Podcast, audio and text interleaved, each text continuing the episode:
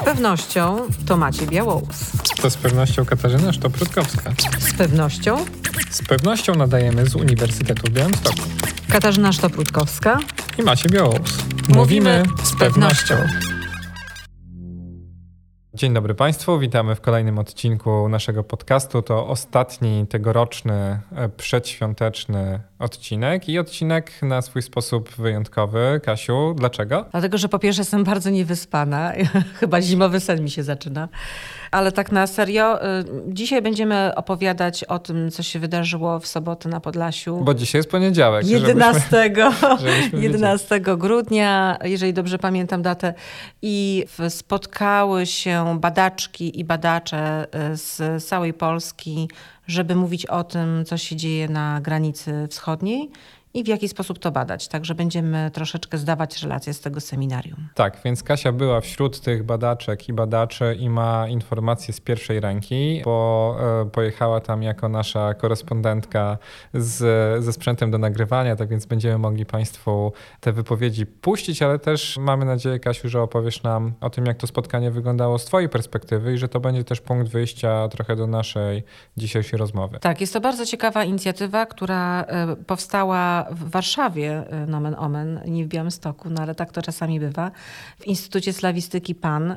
Dwie doktorantki, e, Nina Bojczenko i Natalia Judzińska, postanowiły zsieciować badaczy i badaczki, którzy zajmują się kryzysem humanitarnym na wschodniej granicy, który trwa w tej chwili i e, postanowiły zaprosić do współpracy osoby, które są tutaj na Podlasiu, ale właśnie też osoby, które generalnie w Polsce są zainteresowane współpracą nad tym tematem.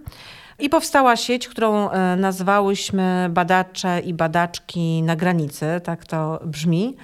Myślę, że to na razie może jest taka mniej oficjalna nazwa, no ale jakby ruszyłyśmy z pracą. I będzie to polegało na, jakby ta praca nasza i współpraca będzie miała kilka aspektów, bo z jednej strony będzie to po prostu rzeczywiście sieciowanie ludzi, którzy prowadzą te badania, bo wydaje mi się, że dzieje się coś wyjątkowego. Znaczy nawet mi się nie wydaje, tylko jestem przekonana, że dzieje się coś wyjątkowego na polskiej granicy w tej chwili. Także pod względem takim społeczno-socjologicznym i na pewno trzeba z jednej strony dokumentować to w różny sposób, a z drugiej strony też trzeba już zacząć analizować. To jest ten pierwszy aspekt tej współpracy, czyli e, dokumentacja, zbieranie różnego rodzaju relacji, które traktujemy oczywiście jako relacje, które będziemy analizować e, teraz i później, ale również jako pewnego rodzaju świadectwa. To jest też bardzo ciekawe słowo, które się pojawiło w czasie naszych sobotnich rozmów kiedy mówiliśmy właśnie o tym, że to jest taki czas wyjątkowy, że musi zostać jakoś udokumentowany i to zarówno poprzez rozmowy z mieszkańcami, z aktywistami e, i aktywistkami, którzy są tam na granicy i którzy przyjeżdżają, ale na przykład również poprzez materiał wizualny. No bardzo takim ciekawym też przedsięwzięciem jest na przykład robienie też zdjęć byłych e, obozowisk, które zostają w lasach, tak, po migrantach, którzy w tych lasach koczują e, bardzo często e, albo są zabierani przez Straż Graniczną, albo też sami e, uciekają i zostawiają po prostu te rzeczy tam na miejscu. I no, wbrew pozorom to też jest niezwykły materiał pod wieloma aspektami niezwykły, niezwykły materiał badawczy. Czyli to jest archiwizacja i dokumentacja tego, co się dzieje. I to jest e, e, pierwszy taki aspekt. Drugi aspekt to jest sieciowanie ludzi, czyli tych badaczy i tych badaczy, którzy już coś robią na pograniczu wschodnim, już działają, więc to jest bardzo ważne, żeby po pierwsze wiedzieć o swoich badaniach, wiedzieć o tym, co się dzieje i jakie tematy są podejmowane. Po drugie, mm, bardzo dużo mówiłyśmy też o takim etycznym aspekcie prowadzenia badań w takiej sytuacji. To znaczy, w momencie, kiedy wiemy, w jakich, mm, nie wiem, wsiach czy miasteczkach. Te badania są prowadzone i są prowadzone na przykład wywiady z mieszkańcami, Ważne jest, żebyśmy też wiedzieli o tym o sobie, żeby no nie eksplorować nadmiernie ludzi, którzy tam mieszkają, którzy są bardzo często już straumatyzowani i jeżeli po raz dziesiąty podchodzi do nich badacz z, i po raz dziesiąty zadaje podobne pytanie, no to Pod względem etycznym jest to bardzo taka trudna sytuacja i też duże wyzwanie, myślę. I też wyzwanie, które no, jest nowe chyba w, w polskiej socjologii. Tak, ja myślę, że to jest w ogóle bardzo ciekawy wątek, ponieważ my jesteśmy też przyzwyczajeni, prawda? Często ze studentami prowadzimy różne zajęcia, kiedy mówimy wiele o etyce w badaniach społecznych. Jesteśmy do tego przygotowani, można powiedzieć, teoretycznie. Natomiast praktycznie rzadko jednak uczestniczymy w takich badaniach, które rzeczywiście różne takie dylematy poważne by generowały. Natomiast tutaj mamy do czynienia chyba z sytuacją bez precedensu i w dużej mierze, czy dla wielu badaczy, prawda? I z jednej strony to, co mówisz, czyli na przykład kwestia też takiego obciążenia psychicznego, prawda, osób, które badamy i dbanie o ich dobrostan i komfort psychiczny, ale też dbanie o swój komfort psychiczny, e, czyli swój, czyli badacza, prawda, myślę, tutaj, tutaj jest istotny. Ale wydaje mi się, że w tym kontekście też dochodzą inne w ogóle warstwy e, tego myślenia o etyce badań, to znaczy na przykład, co zrobić z danymi E, tak. osobowymi. Tak. Często to mogą być bardzo drażliwe, wrażliwe informacje i tutaj chyba to wymaga naprawdę bardzo szczególnego i bardzo ostrożnego podejścia, prawda? Tak, to był bardzo, bardzo taka ważna i długa część też naszych e, dyskusji i tego, jak e, umawialiśmy się, jak będziemy robić, ponieważ jakby mamy też taką wizję, że stworzymy repozytorium danych, oprócz takiego typowego repozytorium publikacji. Mamy już jakby też e, obietnicę ze strony Instytutu Slawistyki PAN, że tam w tamtejszym repozytorium te, te dane jesteśmy w stanie złożyć i również publikacje. Natomiast właśnie no, są to dane specyficzne. Tak? No, oprócz takiej standardowej i klasycznej metody, czy też procedury anonimizacji tych danych, czyli właśnie w, na przykład jeżeli chodzi o dane osobowe, no musimy się zastanowić bardzo nad tym, jakiego typu dane to są, bo to są czasami na przykład dane dotyczące działań, które są na pograniczu prawa, chociażby, tak, albo dane, które opowiadają tak, o takich działaniach. Więc Mm, no mieliśmy tutaj bardzo długą dyskusję. Może nie chcę na razie mówić, póki nie wyjdzie już tak oficjalnie taki regulamin i takie zasady współpracy. Natomiast zdajemy sobie sprawę z tego, że jest to specyficzny materiał. To jest taki materiał, jak nie wiem, mogę sobie wyobrazić z czasów wojny. No, mieliśmy też takie analogie, czy też jakieś podobieństwa, bo analogia to chyba to jest jednak za duże słowo, do czasów zagłady, tak? kiedy tworzono różnego rodzaju archiwa, relacje, świadectwa zbierano. E, no, jakby jest to bardzo specyficzny materiał badawczy. Będziemy niezwykle musieli dbać o to, żeby nasi badani czuli się bezpieczni też w tym, co mówią, komu mówią i komu to będzie również przekazane.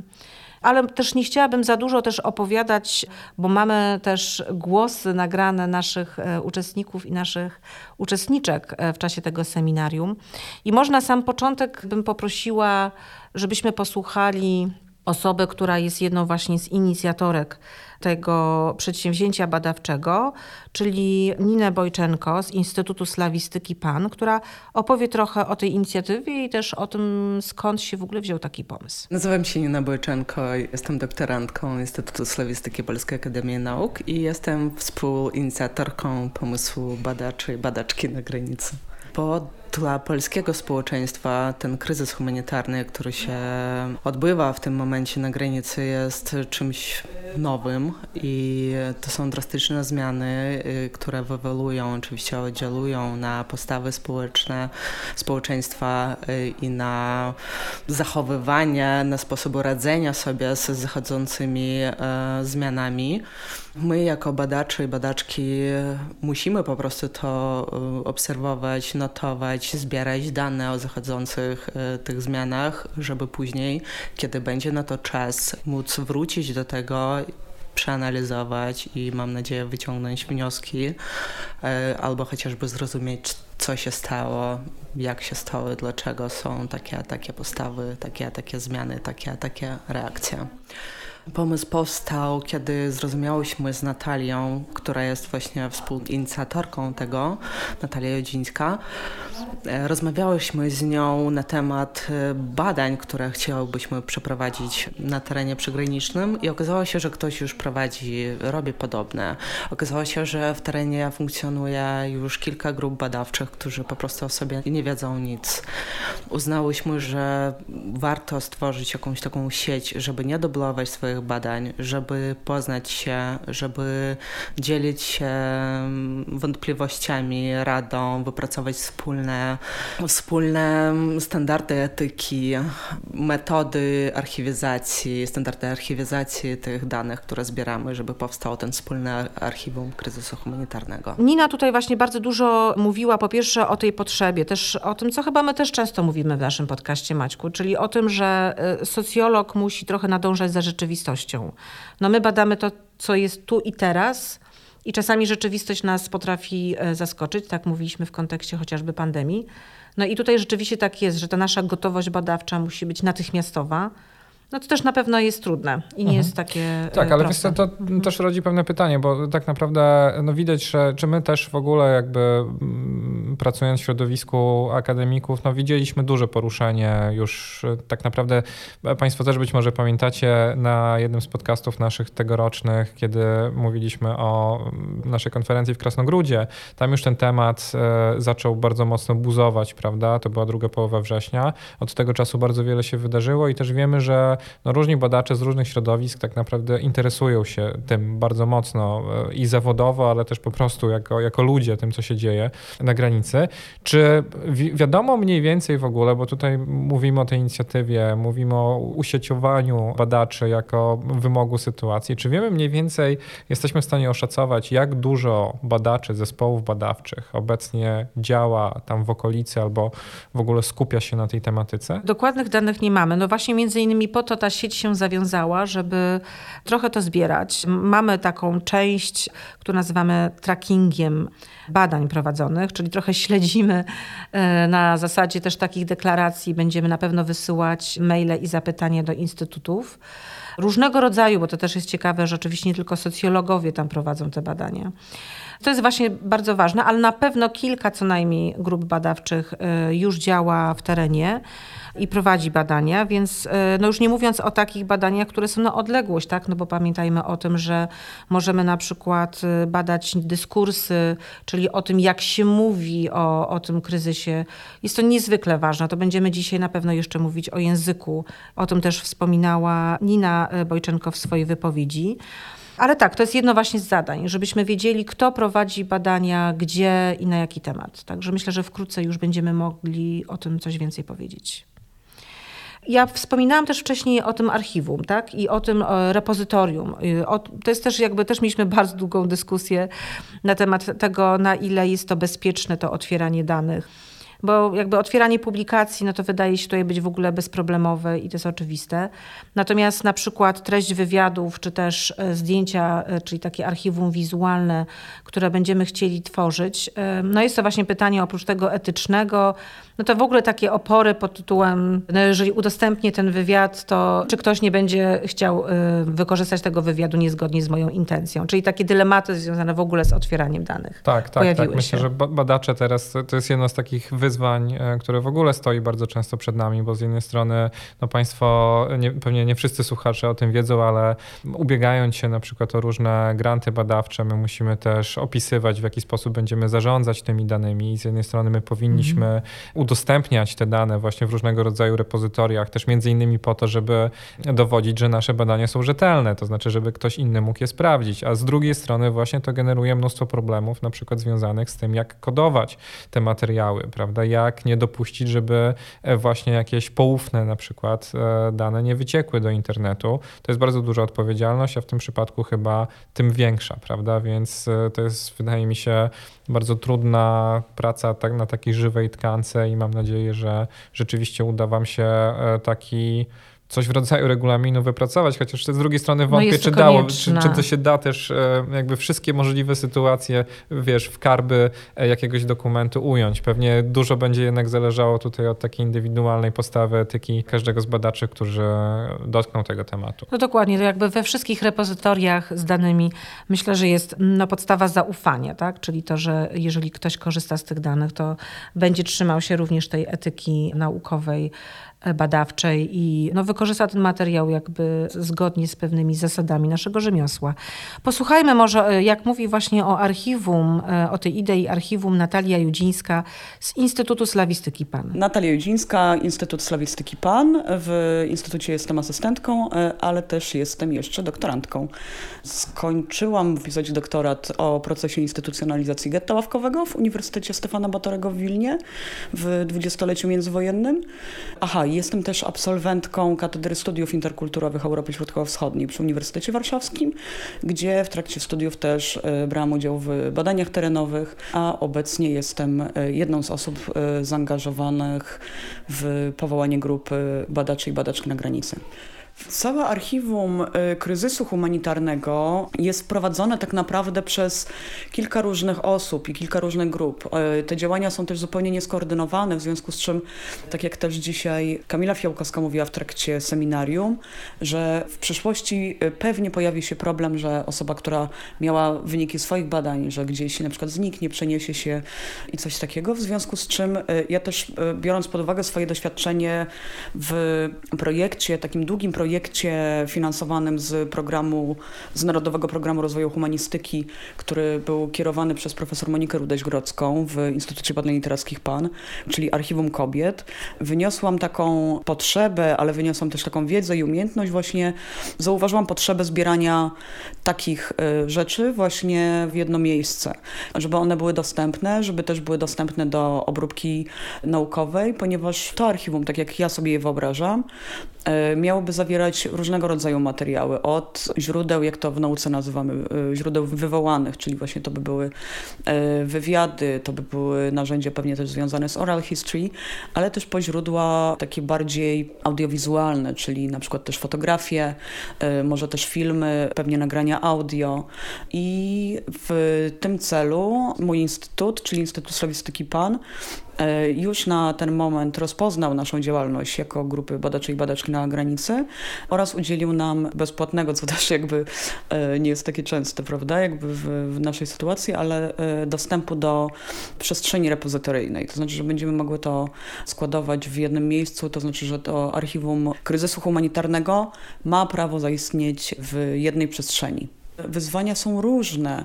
Jednym z takich mm, trudniejszych będą kwestie etyczne e, samego zbierania e, danych, tego jak je zbieramy, ale też tego, e, jakie rzeczy mogą się w nich pojawiać. I z pewnością tutaj jest przed nami to wyzwanie tego, w jaki sposób na przykład tworzyć takie rekordy archiwalne, bo wyobrażam to sobie w ten sposób, że jeżeli na przykład deponujemy zanonimizowaną transkrypcję rozmowy z jakąś osobą, która nam udzielała wywiadu, no to, że to też trzeba będzie dobrze opisać, w taki sposób, żeby w przyszłości, kiedy dany badacz czy badaczka już udzieli zezwolenia do korzystania z tych materiałów przez siebie e, zebranych, to po odpowiednim zezwoleniu udzielonym właśnie innemu badaczowi czy badaczce, żeby ta osoba miała też łatwość w przeszukiwaniu takiej bazy, żeby, żeby ona też była po prostu użyteczna. Tak więc no tak, no słyszeliśmy też w tej wypowiedzi właśnie te wszystkie drobne problemy, które mogą się pojawić, te kwestie zastrzegania danych, prawda? No to jest na pewno duża sprawa. Tak, no myślę, że też nie będziemy y, za bardzo zastrzegać tych danych. To znaczy, to była bardzo taka ostra dyskusja i doszliśmy do wniosku, że jednak otwieranie tych danych jak najszybciej jest bardzo ważne. Nawet kosztem, że ktoś szybciej napisze artykuł na ich podstawie.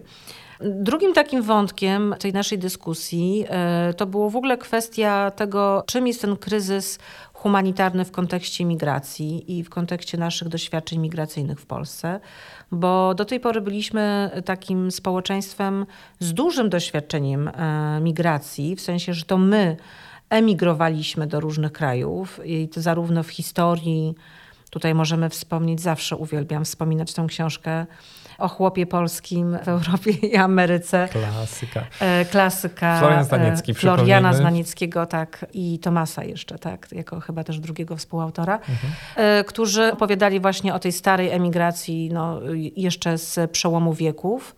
Natomiast no, mamy to doświadczenie też migracyjne, współczesne, bardzo wyraźne, bardzo duże, pod względem zarówno ilościowym, ale też pod względem tego, jak bardzo silnie wpływa to na to, kim jesteśmy, kim, jaka jest nasza tożsamość e, również, myślę, w Polsce. Myślę, że to też jest ciekawe, że wspomniałaś akurat e, tą nieśmiertelną książkę Zanieckiego i Tomasa, bo to pokazuje też, że te badania migracji, one oczywiście dzieją się, czy mogą się dziać na różnych poziomach i za pomocą różnych perspektyw też. To znaczy z jednej strony oczywiście pewnie potrzebne jest takie monitorowanie ilościowe przepływu ludzi na przykład. To jest bardzo ważne, prawda? Gdzie ci ludzie są, skąd są, dokąd trafiają, co robią.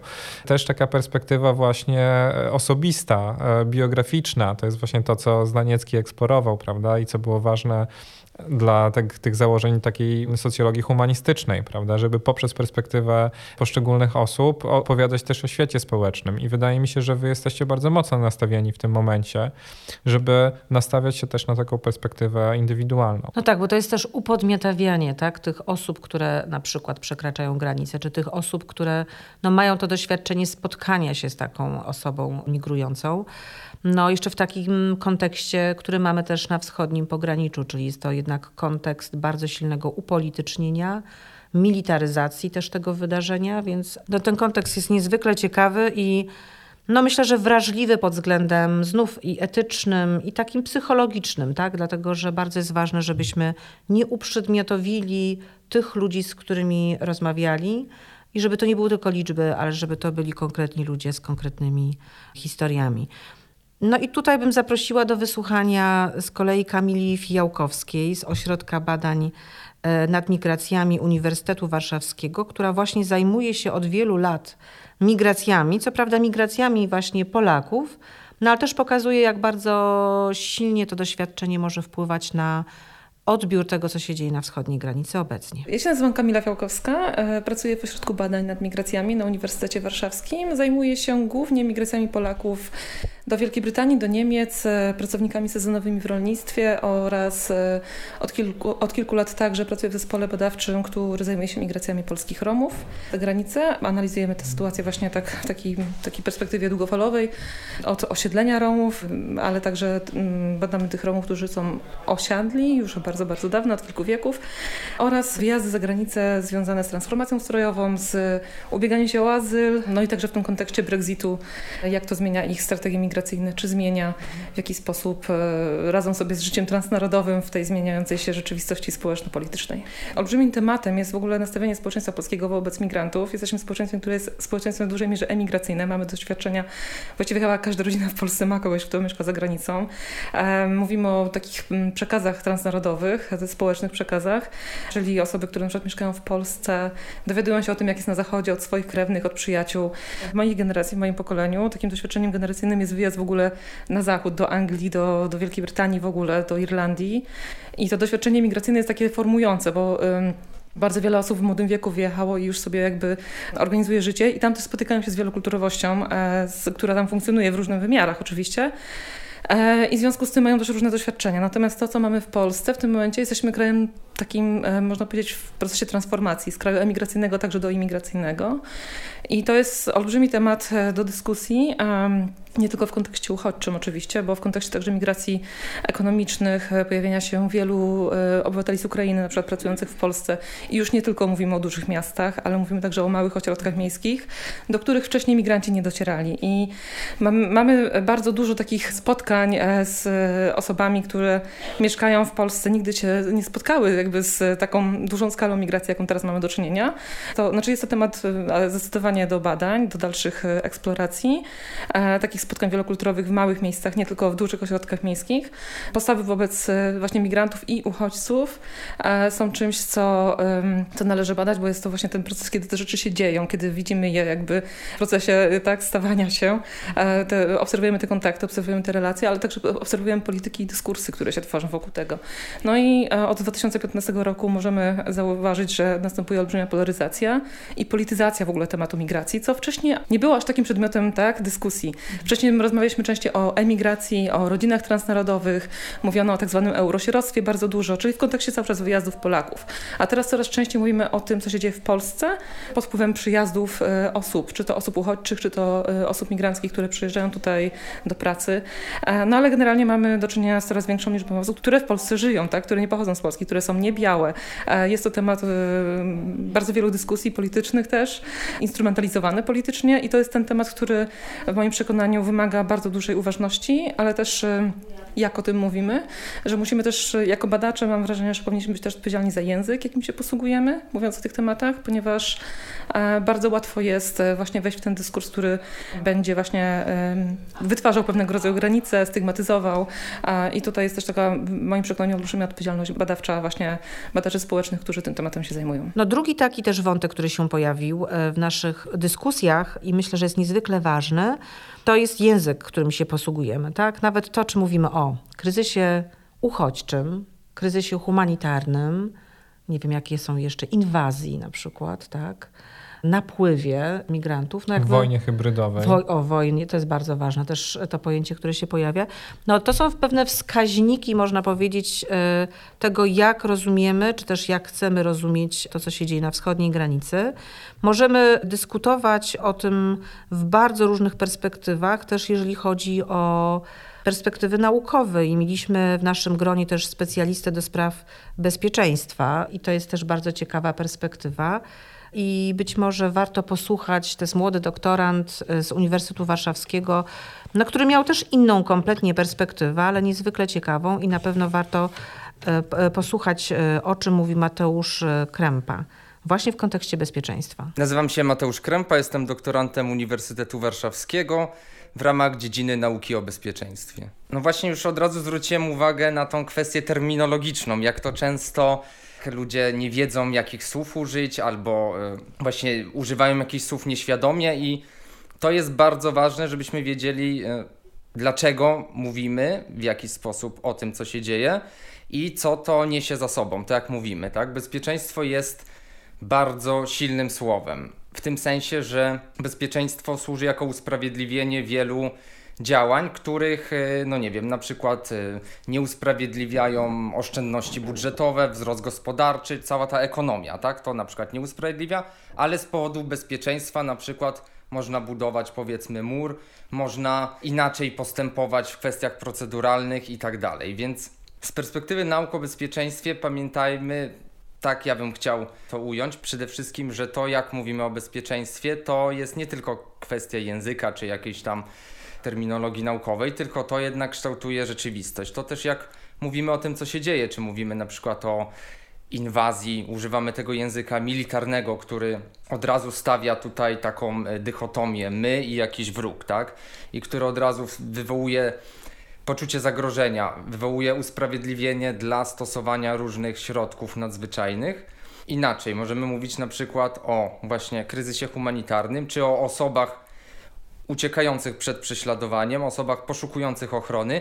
Wtedy ten nacisk przesuwamy na bezpieczeństwo osób, które migrują i wtedy zastanawiamy się, dlaczego podjęły taką decyzję, czy są bezpieczne, co im grozi, jak wyglądają ich prawa. Więc e, tutaj kwestia tego języka jest kluczowa, tak? I oczywiście to też e, co robimy, jakie praktyki są stosowane i jak opowiadamy o tym nawet w codziennym życiu. Dyskusje były mm, multidyscyplinarne, bo mieliśmy tam zarówno i socjologów, właśnie i językoznawców, y, pedagogów, jakby no, bardzo, bardzo też duże, również artystkę y, i to też jest jeszcze taki takie połączenie z tym, o czym będziemy zapewne dziś jeszcze mówić, jakim językiem można mówić, o tym, co się e, dzieje ważnego. E, no i tutaj też Katarzyna Potoniec, która była też przedstawicielką naszego uniwersytetu, tam oprócz mnie i jeszcze e, jednej osoby, Katarzyny Winieckiej z Instytutu Socjologii, no też miała taką perspektywę właśnie wielodyscyplinarną, multidyscyplinarną, dlatego że sama jest z wykształcenia pedagogzką, ale jest również osobą, która od wielu lat działa w organizacjach pozarządowych na rzecz właśnie migrantów i zajmuje się migracjami w sposób niezwykle praktyczny. No i ona też mówiła o tym wyzwaniu spotkania się wielu dyscyplin naukowych, y, które z różnych perspektyw, y, z różnych perspektyw też teoretycznych, właśnie posługując się innym językiem, próbują zrozumieć to, co się dzieje na granicy wschodniej. Posłuchajmy Katarzyny Potonic. Jestem e, doktorantką e, w Szkole Doktorskiej Nauk Społecznych Uniwersytetu w Białymstoku, także członkinią Laboratorium Terra Diversa działającym przy Instytucie Socjologii. E, z wykształcenia jestem pedagogzką, ale też skończyłam politologię w zakresie zarządzania integracją międzykulturową. Od 2008 roku zajmuję się tematyką migracji i uchodźstwa. I myślę, że nie chodzi tutaj tylko o to, że. Mm, rozmawiamy o tym samym innymi językami, ale myślę, że to, co jest nawet ważniejsze, to to, że jak się okazuje, łączy nas wspólny świat wartości i świat myślenia o tym, co się dzieje teraz na granicy. Dla każdego z nas nie jest to tylko projekt badawczy i to nie jest kwestia e, zbierania e, danych do e, artykułów naukowych czy jakichś e, opracowań e, tylko, ale chodzi o to, by e, być tutaj, by dokumentować E, i zbierać świadectwa tego, co się dzieje aktualnie na, e, w naszym regionie, na pograniczu polsko-białoruskim. Dzieje się rzecz e, wyjątkowa, w tym sensie, że niespotykana do tej pory i wszyscy tak samo o tym myślimy, że naukowcy powinni być tutaj, powinny być prowadzone badania, powinny być też mm, dające świadectwo tego, co się dzieje i bez względu na to, jaki byłby tego rezultat, to nie może zabraknąć tutaj tutaj tego typu e, aktywności. E, wiemy oczywiście, że jest to duże wyzwanie, ale przez to, że ten e, jest wspólny świat wartości i ten cel, który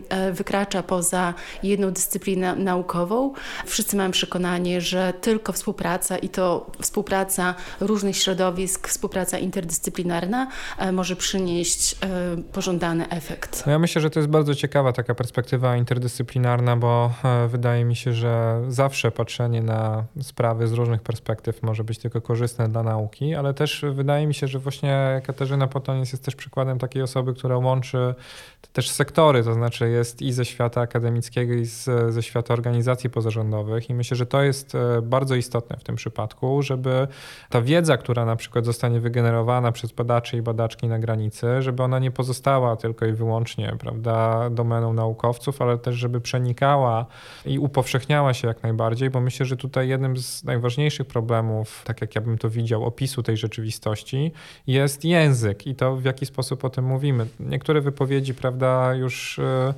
Wspominało tak, tym, tak, tak. I my tak mhm. naprawdę też o tym wspominaliśmy, ale wydaje mi się, że no jesteśmy w takiej sytuacji dramatycznego braku narzędzia, e, jakim jest język do opisania tej sytuacji. Bo tak jak powiedziałaś, no są różne pojęcia, które e, obecnie mm, są używane i często one są używane e, w sposób taki bardzo mm, pragmatyczny, to znaczy, wydaje mi się, że no, politycy mają swój język, prawda? Biurokracja ma swój język, Straż Graniczna ma swój język, organizacje pomocowe mają zupełnie inny język, prawda? I, tak, i inny język być może mają sami mieszkańcy.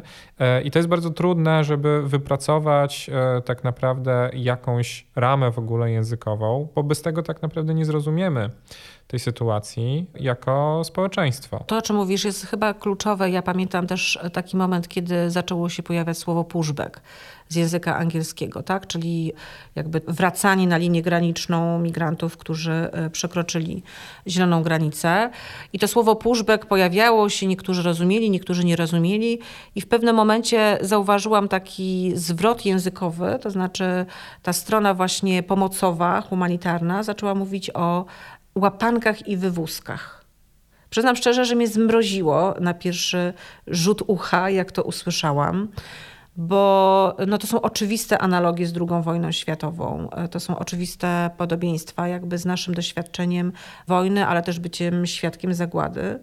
I to jest mega mocne. I to jakby, ale to też pokazuje, jak słowo ma znaczenie, tak? jak bardzo silnie wpływa na nasz sposób rozumienia rzeczywistości, ale jednocześnie też pokazuje, że jest to dosyć niebezpieczne narzędzie. To znaczy, bardzo łatwo możemy instrumentalizować sposób rozumienia tego wydarzenia, i to robią chyba jednak wszystkie strony. To znaczy, w takim sensie, że e, w sposób świadomy chcą wpływać na to, jak my, jako odbiorcy, e, będziemy rozumieć tą rzeczywistość, rozumieć to wydarzenie, które no, jest w pewnym sensie niepojęte. Tak? To znaczy, no, trudno sobie wyobrazić, że my w tej chwili, jak rozmawiamy w ciepłym pomieszczeniu, że gdzieś kilkadziesiąt kilometrów obok E, w polskim lesie być może zamarzają ludzie. Tak naprawdę na poziomie języka też toczy się walka, prawda? Znaczy, Bardzo wyraźna. Walka o to, w jaki sposób my będziemy to sobie wyobrażać i wydaje mi się, że przeciętny człowiek, który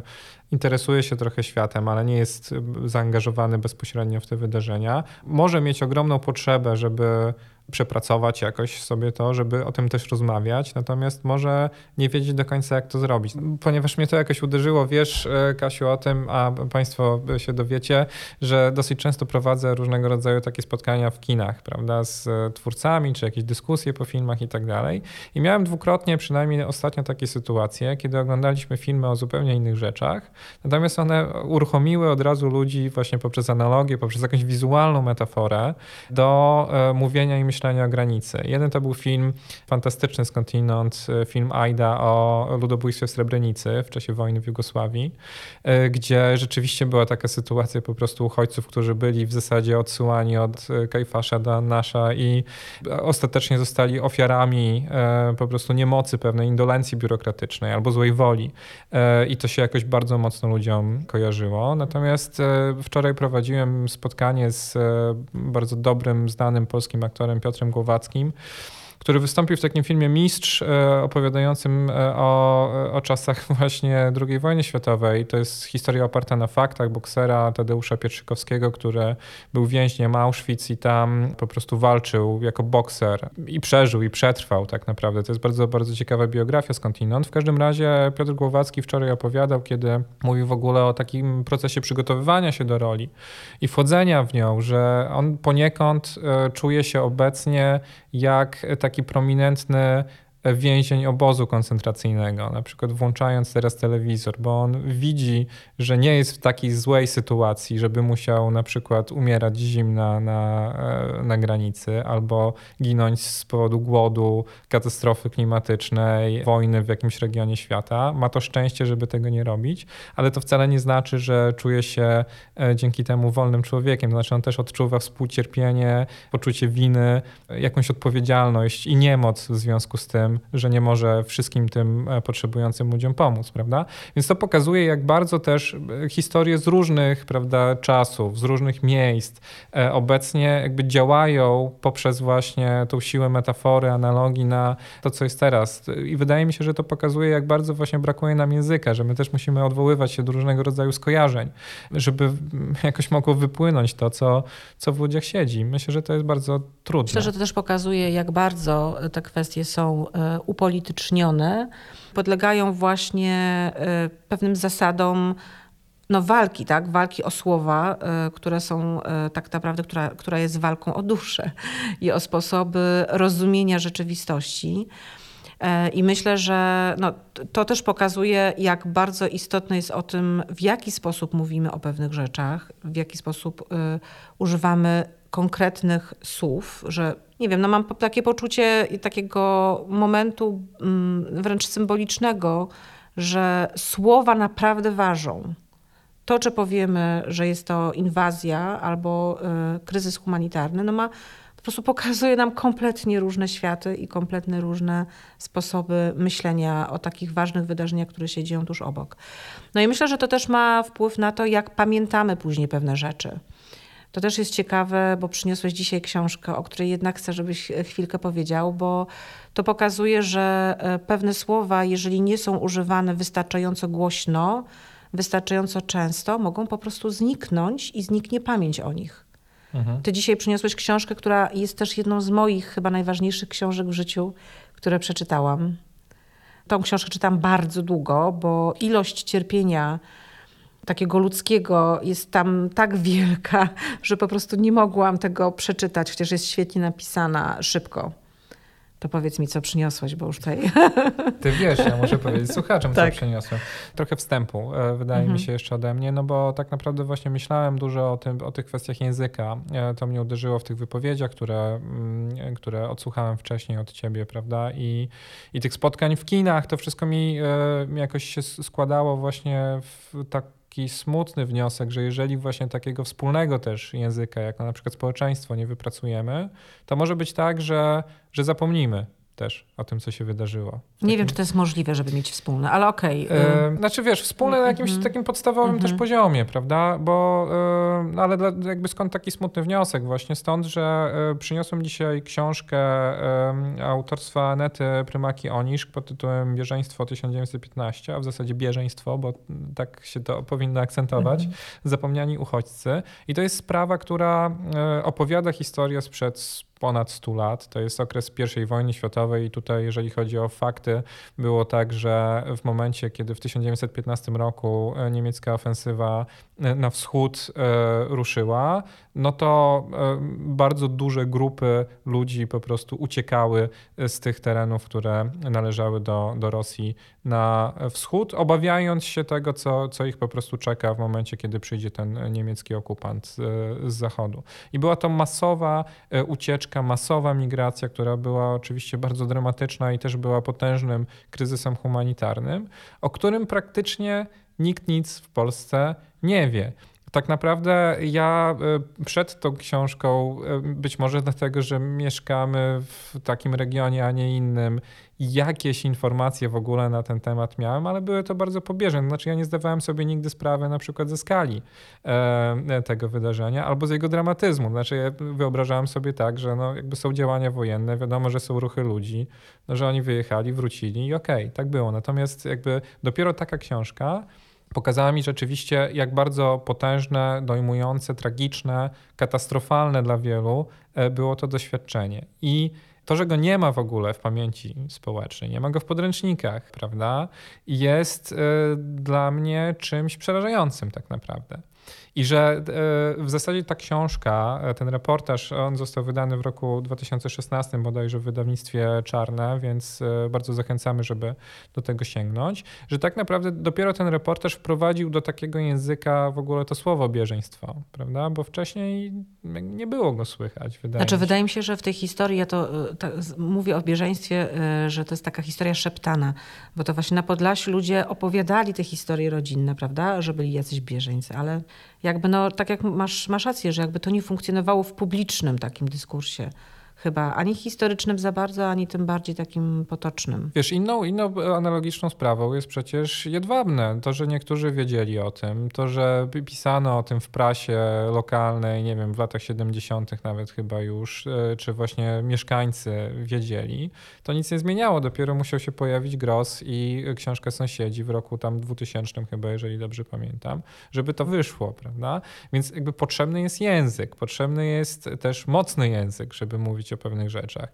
Bo wydaje mi się, oczywiście jakby ciężko jest to oceniać z dzisiejszej perspektywy, ale jeżeli właśnie nie będzie prymaki Oniszk, jeżeli nie będzie Grossa e, a propos e, tego, co się dzieje dzisiaj, no to możemy za, za kilkadziesiąt lat zupełnie o tym zapomnieć, prawda? To by było też e, tragiczne na swój sposób, dlatego Dlatego ja właśnie bardzo się cieszę, że są takie inicjatywy jak e, badaczki i badacze na granicy, bo to daje pewną szansę, że na przykład takie repozytorium daje pewną szansę, że, no, że ten język się nie zgubi też, albo że stworzy się. Ale dokładnie to jest to, o czym chyba mówiliśmy właśnie w czasie tego seminarium, tak? że to jest ta konieczność dokumentowania e, w rzetelny sposób zbierania właśnie tych relacji, nie po jakimś wydarzeniu, tylko jakby w tym momencie, w którym się dzieje. To jest bardzo trudne jednocześnie.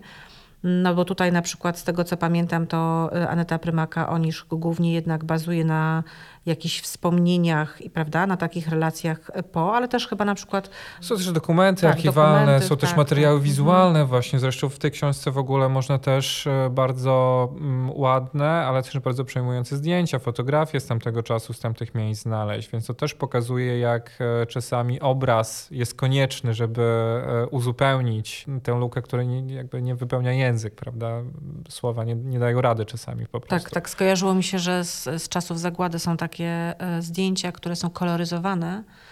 To jest taka specjalna technika, która powoduje nagle, że te takie stare archiwalne zdjęcia, które no są stare i takie nam się wydają jakby z dużego dystansu, nagle e, stają się takim zdjęciem, które mogliśmy zrobić 10 lat temu.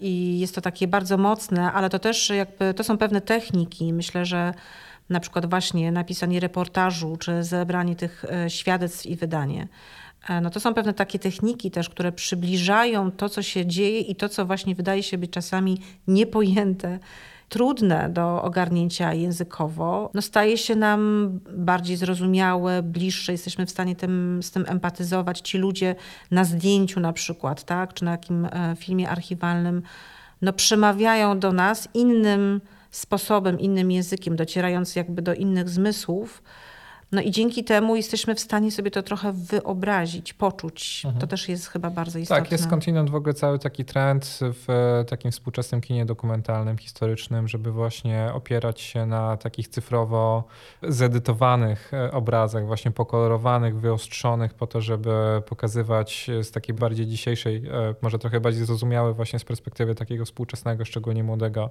widza. Więc oczywiście jakby mm, to są żywe dowody, można powiedzieć, na to, że, że te obrazy często bardzo emocjonalnie są w stanie też do nas dotrzeć, jakby z pominięciem tej warstwy słownej. Czasami mam też takie poczucie, że język nauki jest niezwykle ważny i to jest absolutnie jakby konieczne, żeby go używać, ale czasami jest niedoskonały jak każdy zresztą chyba język yy, i sposób mówienia, w sensie takiego wyrażania, mówienia o różnych rzeczach. Ale są też inne języki, na przykład mm -hmm. język sztuki, prawda? O którym mm -hmm. chciałabyś powiedzieć teraz, być może dając trochę kontrapunkt e, na koniec naszej rozmowy. Tak, bo, bo ja dzisiaj przyniosłam z kolei książkę, wydawałoby się kompletnie oderwaną od tego tematu, który mamy dzisiaj. Jest to, yy, są to wspomnienia Mariny Abramowicz, yy, Pokonać mur. Bardzo ciekawa książka. E, została wydana e, w, przez dom wydawniczy Rebis. Przełożyły dwie tłumaczki, Anna Bernarczyk i Magdalena Hermanowska. E, jest to książka nowa, bo to jest z 2021 roku. Mm, I to są wspomnienia jednej z takich chyba najbardziej znanych współczesnych artystek. Mam takie wyobrażenie, że Marina Abramowicz przez zwłaszcza swoje ostatnie e, performanse to trafiła pod strzechy. To znaczy ludzie mogą nie znać jej tych wczesnych prac, które zresztą były chyba nawet bardziej takie dyskusyjne, obrazoburcze, tak, bardzo związane też e, z samookaleczaniem na przykład się, tak. To też taki był no, nurt w latach 70., 80., którym ona też była. No i to jest e, jakby artystka, która jest ikoną performance'u, czyli e, też bardzo specyficznej sztuki, specyficznego języka w sztuce. No jak mamy y, obraz albo rzeźbę, no to mamy tą, ten obraz i rzeźbę przez cały czas i wiemy o co chodzi i bardzo łatwo jakby się do tego odnieść. Natomiast performance jest taką sztuką i takim językiem niezwykle ulotnym, który trwa tylko przez moment zazwyczaj. Oczywiście on też jest bardzo często dokumentowany, no ale to już nie jest to. Jakby ważny jest ten moment, w którym artystka czy też artysta zaprasza publiczność do współpracy. No i e, Marina Abramowicz e, używa właśnie takiego języka do mówienia też o sprawach trudnych, między innymi właśnie e, wojny w Jugosławii, w byłej Jugosławii. To też był temat, który podejmowała na jednym z, ze swoich wystąpień na Biennale w Wenecji. No ale mówi to językiem kompletnie innym niż naukowy. To może właśnie wrócę, bo to jest na Biennale w Wenecji pokazała taki performance, była, dostała piwnicę taką ciemną, e, w której właśnie mogła pokazać e, swój performance i miała kilkanaście tysięcy wielkich krowich kości, które przez kilka dni obierała. Oczywiście towarzyszyło temu e, straszny smród po prostu, bo nawet chyba tego nie można zapachem nazwać. E, takim, że ona już nie mogła nawet już pod koniec tego performance'u wytrzymać. Tak? I to był no, język symboliczny, który pokazywał, czym jest doświadczenie wojny, czym jest doświadczenie ludobójstwa. E, w sposób niezwykle sugestywny, taki, który atakuje właśnie wszystkie nasze zmysły, nie tylko głowę i nie tylko sposób abstrakcyjny myślenia, ale też również nasze ciało. To jest też taki dobry przykład tego, y, jak za pomocą sztuki i za pomocą performance'u można mówić o takich wydarzeniach, o których też dzisiaj y, y, zaczęliśmy naszą rozmowę. Ale myślę, że chyba najbardziej taka znana, znany performance Mariny Abramowicz to jest ten, który został pokazany w Nowym Jorku, kiedy przez trzy miesiące Marina siedziała najpierw przy stole, później ten stół został usunięty, kiedy przyszedł jeden z widzów, który był na wózku inwalidzkim i nagle okazało się, że ten stół stanowi jednak jakąś barierę i wtedy Abramowicz poprosiła o usunięcie tego stołu. I polegało to na tym, że ona zapraszała widzów, e, też pracowników MOMY, do tego, żeby siadali naprzeciwko niej i tak długo patrzyli w oczy, jak będą tego chcieli. No, można byłoby powiedzieć, no ale o co tu chodzi i po co i w ogóle co, co, co, co to ma wspólnego ze sztuką. No, okazało się, że ten moment patrzenia sobie w oczy, e, bez e, ekranu, e, bez żadnych gadżetów, po prostu siedzenie naprzeciwko siebie face to face, twarzą w twarz, wywołuje ogromne emocje i ogromne przeżycia. Towarzyszył Abramowicz wtedy też fotograf, który robił fotografię ludzi, którzy przychodzili i siadali. Niektórzy siadali na minutę, niektórzy siadali na trzy godziny. Ona codziennie przez te trzy miesiące siedziała nieruchomo przez osiem godzin.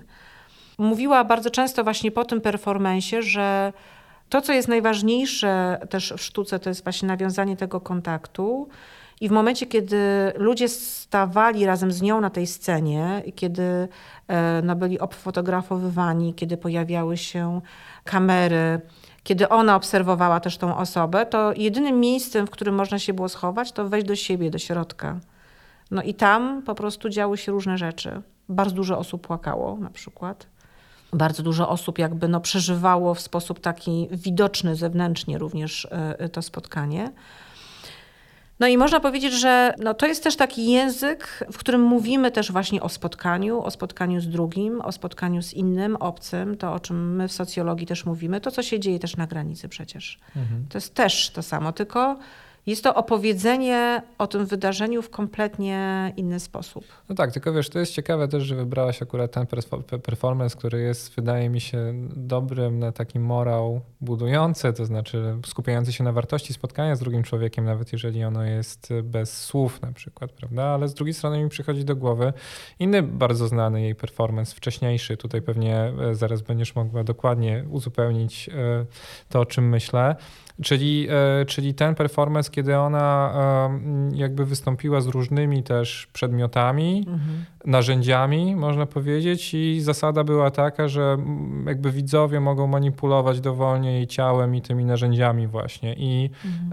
E, i na początku też było to takie bardzo... Przyjemne, tak? Bo tak, ludzie dawali róże, głaskali. Tak, tak. Natomiast też w pewnym momencie jakby e, ten tłum zaczął być, tłum, nie wiem czy to odpowiednie słowo, e, audytorium zaczęło być coraz bardziej władcze, coraz bardziej agresywne, przemocowe w stosunku mhm. do, e, do ciała artystki, która mm, została rozebrana, która była okaleczana, tak. prawda? E, I to też pokazuje, jak z jaką łatwością też przeciętni ludzie mogą wykazywać władzę nad innym człowiekiem w sposób też bardzo dosłowny, tak? władzę nad ciałem innego człowieka. I to jest moim zdaniem przerażające. Więc e, zostawiamy może Państwa z tymi dwoma performansami Marina Abramowicz i każdy może sobie wybrać ten, który, o którym wolałby dzisiaj myśleć. Zdecydowanie wolę Momel. Chociaż to, o czym mówisz i ten performance jest bardzo mocny. Też powiem, że e, artystka jak wróciła do hotelu po tych kilku godzinach e, bycia przedmiotem, bo to była taka właśnie instrukcja, że jestem przedmiotem, możecie zrobić co tylko zechcecie i tam było 74 przedmioty na stole, których można było użyć. No i tak jak mówiłeś, użyto noża, użyto nawet pistoletu i wtedy się wywołała bójka między widownią, bo był jeden nabój tam w tym pistolecie, prawdziwy. Mhm. Kiedy wróciła artystka do swojego hotelu e, i długo płakała i spojrzała na siebie w lustro, to okazało się, że ma całe pasmo siwych włosów, które się pojawiły e, w trakcie tego performansu. No i właśnie to jakby pokazuje, no nie wiem, chyba naturę ludzką, tak, która jest wieloznaczna, tak, i to w jaki sposób my reagujemy na pewne wydarzenia zależy od nas, ale też jakby ta, ten kontekst społeczny i, i to, jakie siły na nas działają w trakcie tak, tej decyzji, no jest niezwykle kluczowe. To też jest socjologia, bo to też pokazuje, jak e, socjologicznie możemy pokazać i wyjaśnić pewną, no nie wiem, przemoc czy też agresję. Tym właśnie chcielibyśmy z Państwem pożegnać się przedświątecznie. Nie jest to świąteczna atmosfera, ale chyba bardzo dobrze, bo to nie są święta zwyczajne, nie, myślę, nie, w tym no roku. Tak, myślę, że mhm. święta też skądinąd powinny być czasem dla nas refleksji, więc myślę, że dobrze by było, gdybyśmy je wykorzystali też myśląc o świecie wokół nas.